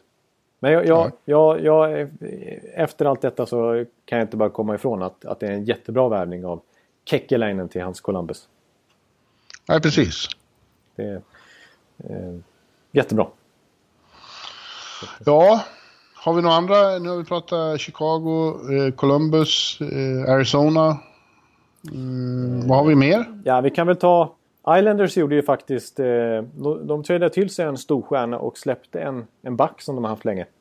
De Hammonick, ja. ja. Eh, vi kan börja med den. Hammonick eh, var det många som var intresserade av. Eh, att... Han har ju länge velat komma till västra Kanada för att han har... Av familjeskäl. Mm. Eh, och Calgary var väl perfekt för honom. Precis, exakt. Han har ju uttryckt sig väldigt positivt själv här, Hammondek, om att få chansen att komma dit. Eh, om man jämför med till exempel Hjalmarsson och några andra spelare som ändå tycker att det är lite vemodigt att behöva lämna det, eh, sina respektive klubbar bakom sig så verkar Hammondek vara tillfreds med att äntligen ha fått hitta en lösning för att flytta närmare familjen. Däremot fick ju Calgary betala ett dyrt pris vill jag påstå. Eh, en första rundare och två andra rundare för Hammonick. Mm. Som är en bra spelare men kommer från en halvdan säsong. Eh, och är ju lite begränsad trots allt. Det är en duktig defensiv back men har ju, är ju inte någon stor... Det är ju ingen som bidrar med poäng nästan whatsoever. Eh, och som sagt, ingen jättebra säsong heller. Så att, eh, sitter på ett bra kontrakt så att han är billig i, i denna lönetakseran. Men, eh, men eh, jag tyckte det var dyrt pris för Calgary. Som å andra sidan ser spännande ut nu. Jag menar, de, det visar ju lite som Arizona att de, de är redo nu för att eh, trycka på knappen och skita i rebuild nu på allvar och verkligen gå för, gå för kuppen Nästan. Ja. ja. Eh, så har vi en fin eh, topp fyra där nu med, med eh, eh T.D. Brody, Mark Giordano och Doggy Hamilton. Och naturligtvis då Hamonic. Ja, men det har vi sagt länge att de har bra topp fyra. Ja, precis. Men ändå, nu är det en nivå till här jämfört med Michael Stone eller med Dennis Wideman som var det tidigare. Så jag tycker det är ytterligare lite ett snäpp. Mm. Mm. Mm. Men eh, ja, Islanders fick bra betalt i alla fall. Då, det ryktas ju att de tackade nej från eh, Toronto för Van Riemsdyk och ett första val mot Hamonic. Det tycker jag nästan lät ännu bättre. Men det sa de nej till. De vill inte ha Van Riemsdyk. Eh, däremot nej. så har de fått Eberle. Jordan ja, Eberle. Ja, eh. och eh, ytterligare ett försök att ge eh, Tavares en värdig winger. Ja. Eh, han har ju fått spela med hela forwardsuppsättningen flera gånger om kan man säga. Ja, eh, ja. Eh, jag tycker dock att man, att man inte ska... Att, att det är lite taskigt mot Anders Lee att säga att, liksom, att han inte har presterat. För han gjorde ju 34 mål väl den gångna säsongen. Bredvid Tavares. Men det, det räckte tydligen inte ändå. Nej, men han behövde väl en till ny radarpartner där. Det är inget snack om det. Och Jordan Eberle och Tavares känner ju varandra sedan tidigare. De är 90 år båda två. Precis som Jonathan Ekliven. Och, eh, och eh, eh, gjorde ju vad var det, 28 poäng ihop i JVM 2009. Mm. Rena rama Forsberg Näslund-siffror från 90-talet. Eh, så att eh, det känns ju spännande. Och eh, Jordan Eberle var ju otroligt, det har vi pratat om tidigare, att han skulle bort från Islanders, eller från Oilers då.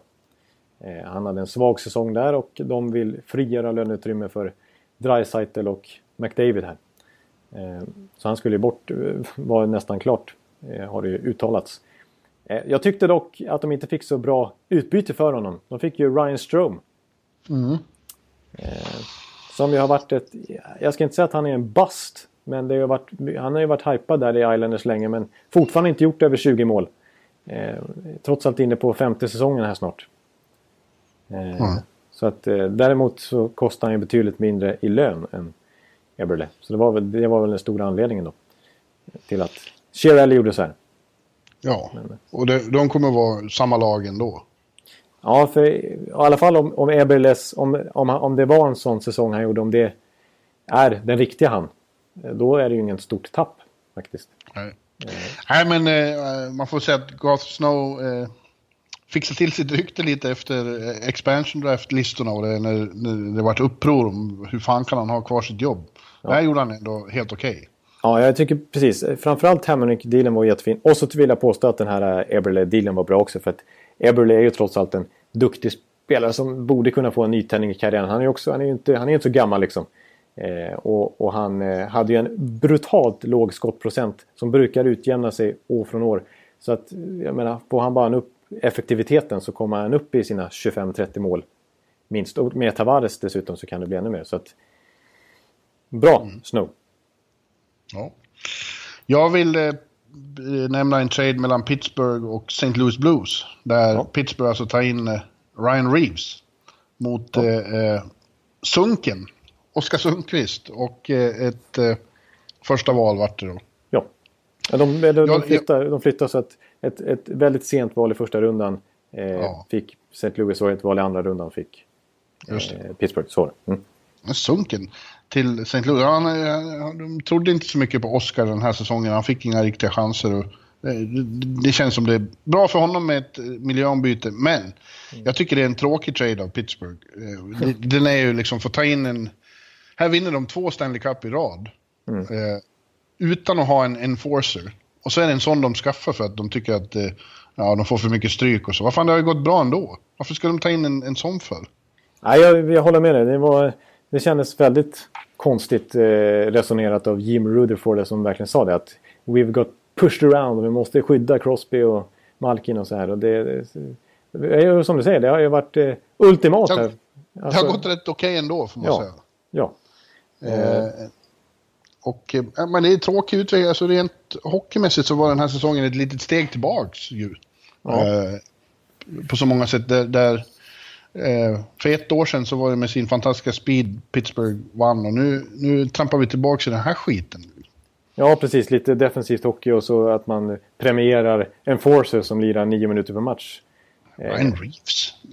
Ja, nej, det är ju ingen bra spelare. Det är ju inte det. Nej. Eh, det är ju inte det. det, är inte det. Och dessutom, St. Louis kan ju jubla. Jag menar Sundqvist. Jag vill påstå att Oskar Sundqvist är en bättre spelare än Reeves. Framförallt. Ja, absolut. Absolut, inget snack om det. Eh, och man fick det här sena första valet. Det var en kille, en ryss, som bara föll genom draften. Han hade ju kunnat gå topp 15, den är Klim Kostin. Som man tog med det här valet. Det kan ju bli en, en jättestil för St. Louis. Så man fick Sunken och den är Klim Kostin mot eh, Ryan Reeves liksom. Ja. Så, Jag fantastiskt. tycker det är härligt att, att du kallar honom Sunken också. Det är ett fantastiskt smeknamn. Ja. I, I NHL kallas han ju Sunny. Och det är fan inte dumt det heller. Det är Är det ett coolt. sant? Ja, det, det är bra. Men får jag, får jag ta lite revansch på min eh, dåliga eh, småländska? Så jag, jag för mig att eh, det finns ju i gamla serien Hipp Hipp så fanns det en som Sunken. Jag tycker jag är ganska bra på att imitera hans kompis där. Hej du, Sunken! Ska vi komma där? Nej. Jaha, det där är ingenting jag känner till Ja, men överhuvudtaget. jag tror- men det, är, det är alltid roligt att höra dig försöka.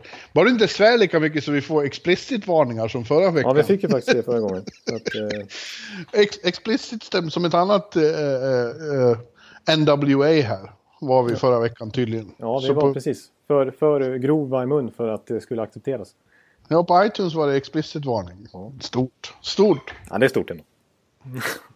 men, eh, ja, men eh, apropå St. Louis, vi får ju nämna det också. Vi ska ju säga det att oftast i den sista podden vi spelar, vi får se vilket upplägg vi har i år, men vi brukar ju gå igenom lite grann alla lag i den sista Mm. podden. Det är troligen det upplägget vi har i sista Ja, podden. och så, och så det bästa som hände den här säsongen och så. Ja, precis. Med, Någon slags summering, totalsummering liksom. Så med kanske- våran roadtrip som, som huvudnummer. Ja, ja, just det. Så, men, men då Ja, kanske... just Ja, just det. Men, Vi ska åka på roadtrip igen i, i kommande säsong, du vet det va? Ja, det vet jag. I södern, från Vegas, från Vegas till Arizona och Dallas. Jag vet att du har varit i Arizona, men Dallas har du inte varit på hockey. Va? Nej, jag har inte varit i Arizona heller. Jag har, varit, jag har kört igenom Arizona, men jag har aldrig varit på hockey där faktiskt. Ja, men då så. Så det ser jag fram emot att få se på Hjalmarsson och Ekman Larsson. Och Clayton Ja, det Keller. blir- Ja, så då blir det eh, eh, Arizona, Vegas, Arizona, Dallas, eh, Nashville, Tampa. Oj! Ja, det är ju How drömresan. about that? How about that? How about that liksom? Nu höll jag på att säga någon sån här, så här fuck you. Nej, nu ska jag inte. Men... Eh, Nu kom det! Fuck ja, nu kom, me! nu kom det. Nej, det, nej, det sa jag inte. Nej, det sa jag inte. Men... Nej. Eh, nej, men eh, eh, Du, vi, vi, vi har en trade kvar, eller vi har många trader vi kan prata om, men en... en eh, du nämnde hans namn förut och, och det slutade med att han hamnade i Dallas till slut, då, Mark Method. ja, Eh, åtta var backen. ja. Erik Karlssons backpartner år efter år. Och eh, tanken i Dallas nu är ju då, han kom dit via, via Vegas, är att eh, han kommer passa utmärkt i rollen då, i samma roll fast med John Klingberg. ja. Ja. Som ju är en, en, en Erik Karlsson i vardande, eh, enligt, hoppas ju Dallas-fansen då. Och han har ju lite samma stil och attityd.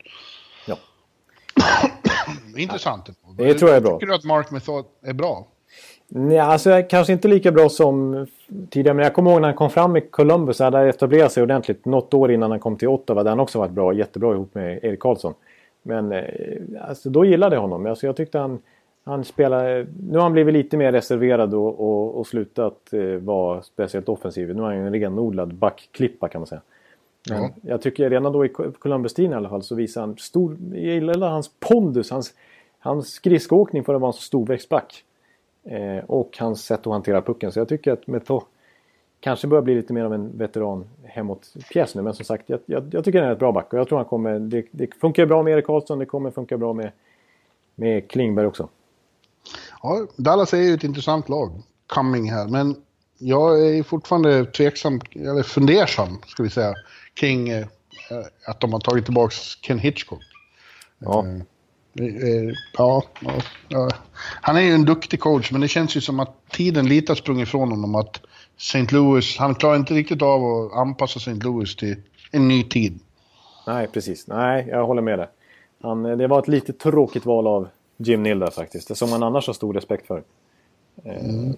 Och ja, ja, jag håller med dig där. Just, just av den aspekten så kanske man inte är så eh, lika fullt exalterad över den kommande säsongen för Dallas som man annars ju tror ska kunna ta ett starkt kliv tillbaks den kommande säsongen. Om de får vara skadefria och de kan fylla några hål som uppstått. Och nu har de fått en första keeper och de har fått en hyfsad back till Klingberg också. Så. Mm. Mm. Ja, vi måste väl nämna att vi, uh, det slutade med att Washington skrev ett jättekontrakt med TJ Oshie också. Uh, ja. Ett kontrakt av den sorten man känner, ja, det, det, är väl the price of doing business som vi har varit inne på ett par gånger. Det, det var ju för långt liksom. Ja. Ja, det kommer det... som, någon, som någon, jag tror var Larry Brooks skrev här i New York Post. Vad, vad, ska, vi, vad ska vi säga om Oshie-kontraktet? Jo, vi ska säga så här. Det, det köps ut, emergency köps ut efter nästa lockout. Ja, just det. Vilket uh, väntar om tre år eller vad det är. Ja, just det. Nej, men det känns som det. Känns som det. Det, är, det är ju den där typen av kontrakt vi ser varje sommar nu de senaste två, tre åren. Vi, jag menar, Andrew Ladd förra året, Frans Nielsen förra året. Mm. David Backes. Alltså killar som är över 30 nu och som fortfarande är bra men som man vet kommer tappa ganska... Bra? Bra! Brandon Saad. Derek Brassard. Nej, men som fortfarande är bra. Men eh, som, som, som kommer... som kommer att eh, tappa ganska uppenbart eh, inom kort. Men för att vinna liksom, budgivningen kring dem så måste man slänga på några ytterligare år. Liksom. Ja. Och det är samma sak med tio år. Ja. ja, men du, eh, listan av de vi har nu då med Free Agents som eh, blir tillgängliga på lördag. Eh, ja. söker, det, är, det är inga supernamn som man har varit van vid i några år. När det har liksom varit huggsexa. Men Chattenkirk är ju ett... Han är väl etta på den listan.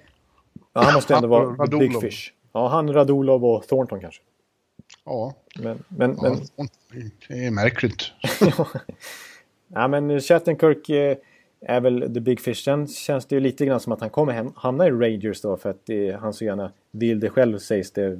Sen får vi se hur Rangers gör då. Men han, har han kommer ju från... Han är väl uppväxt bara strax norr om New York och han, eh, hans flickvän är därifrån. Han spenderar somrarna väl där och han har sina familj och vänner och så vidare.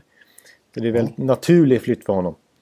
Ja, men eh, det är lika naturligt i så fall att spela på, i Brooklyn eller i New York. Precis, jag har ju pratat om att eh, Devils är superintresserade och förmodligen har kanske ännu mer pengar att slänga på honom. Nu har ju Rangers visserligen skaffat sig utrymme men, men Devils är kanske lite mer desperata än vad Rangers är.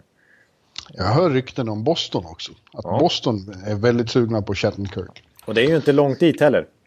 Eh, att... Men jag, jag, min bild är att han blir lite, i och med att det, det finns ju nästan inga andra backar av klass tillgängliga. Eh, och därför blir han, precis som det var för något år sedan här med Centra, att de, de blir lite övervärderade när de är ensamma på marknaden. Ja, exakt. Och eh, han var ju ingen succé i Washington. Han gjorde lite PP-poäng och sådär men han var också en, fick ju mycket kritik, eh, inte minst i slutspelet, för lite defensiva fadäser som inte var så diskreta i egen zon. När han gjorde bort sig lite grann. Nej, och han gjorde, i slutspelet gjorde han verkligen inte så mycket i powerplay heller. Nej, det har du ju helt rätt i och för sig. Eh, så att det kanske tonar ner hypen lite grann. Men nu är den ju uppe igen naturligtvis. För det är som du säger, han är ju det enda riktigt stora backnamnet som finns där ute. Och det är ju, backar i dagens NHL är ju supervärdefulla. Eh, det får vi ju exempel på hela tiden. Och eh, nästan alla lag skulle kunna tänka sig en Cameron Shattenkirk i laget. Och just av den anledningen kommer ju pris... Han är ju högerfattad och allt där också. Och i sin prime kommer från 56 poäng trots allt i grundserien. Så att mm. han, han, kommer ju få en, en enorm lön. Alltså han kommer ju vara den stora vinnaren eh, efter den här sommaren. Ja. Uh, ja, så sa vi Radulov. Uh, det finns, det är tydligen, det är inte helt borta med Montreal fortsättning, men det finns, det finns väldigt många fler alternativ för honom tydligen. Och han har ju stärkt sina aktier efter den här säsongen. Ja, han hade ju frågetecken. Vi skrev ju bara ett ettårskontrakt med Montreal därför att det har varit fiasko eh, både på och utanför isen. Framförallt utanför isen kanske, hans tidigare försök. Men tredje gången gillt så funkar det för Radulov. Eh, mm. Och som du säger, det är väl, eh, nu har de fått börja, nu har de fått börja diskutera med Free Agents även om man inte har rättigheterna till dem. Det är den här sista veckan inför första juli som alla klubbar har rätt att börja snacka med UFA-spelare. Och eh, Radulov, det är väl redan 10-11 lag när vi spelar in det här på tisdagen. Som, ja. som har börjat snacka med. Så att han kommer att ha alternativ. Problemet lite med Radulov är ju samma sak där. Han är också 31 år och vill ha 7 år. 7, 6, 7, 8 år. Och en ja. hög cap hit. Så det, och det vill man ju inte skriva egentligen. Men det kommer kanske, han kanske kommer få det trots allt. För att är en, han är ju den bästa forwarden på marknaden. Liksom. Ja, han är bättre än Martin Hansel som också hypas upp nu liksom. Och, och övervärderas Ja, en, en aning. ja precis. Vi kan se, det, det, de kommer ju vara vinnare de här killarna. De får sina fina kontrakt. Nick Bonino lär ju få ett bra kontrakt också. Ja, det är helt klart. Justin Williams, vad tror du om honom då?